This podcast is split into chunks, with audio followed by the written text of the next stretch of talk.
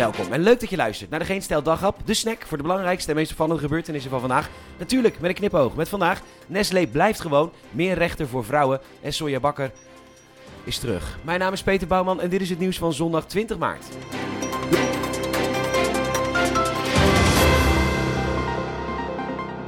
Oekraïense president Zelensky spreekt elke dag wel een bevolking toe. En gisteren waren de Zwitsers aan de beurt. Zwitserland doet grotendeels mee met de boycotten van Europa tegen Rusland. Maar er zijn nog een paar rijke Russen die er wel zaken mogen doen.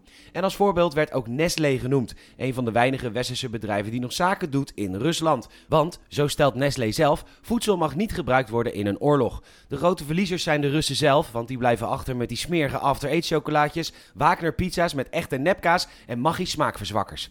Je gunt het geen rus. Bijna elke dag is het wel de dag van iets. Afgelopen vrijdag bijvoorbeeld nog. Toen was het de dag van de pannenkoek. Een nuttige dag om dat prachtige Hollandse gerecht te vieren. Of nou ja, Hollands.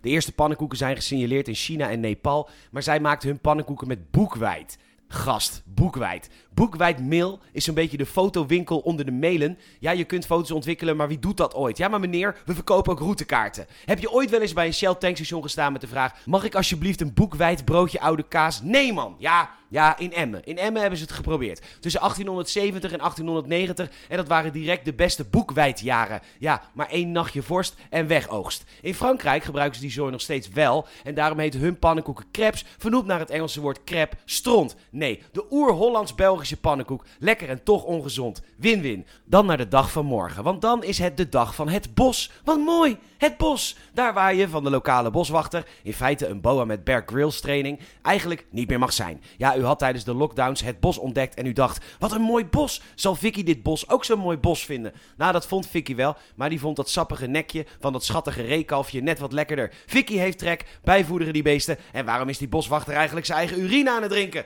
De dag van het bos. Een nuttige dag dan naar vandaag. Want vandaag is het de dag van de mondverzorging. En sorry, maar dat is echt de meest nutteloze dag op aarde. Want we weten allemaal, het is elke dag de dag van de mondverzorging. Neem nou deze.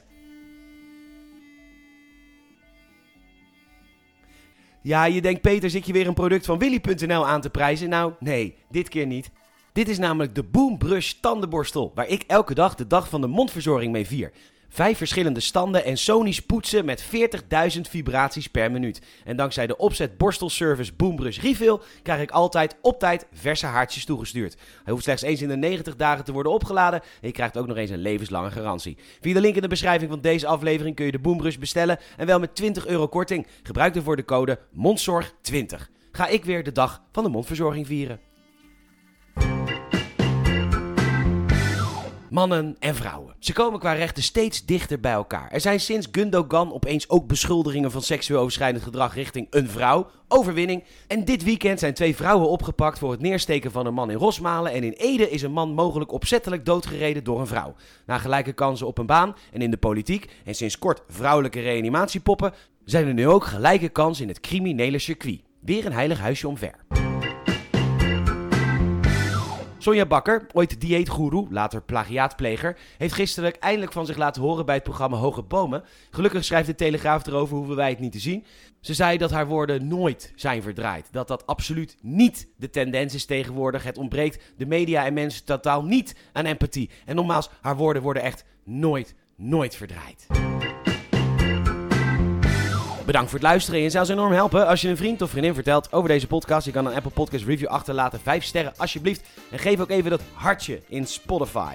Nogmaals bedankt voor het luisteren. Tot morgen.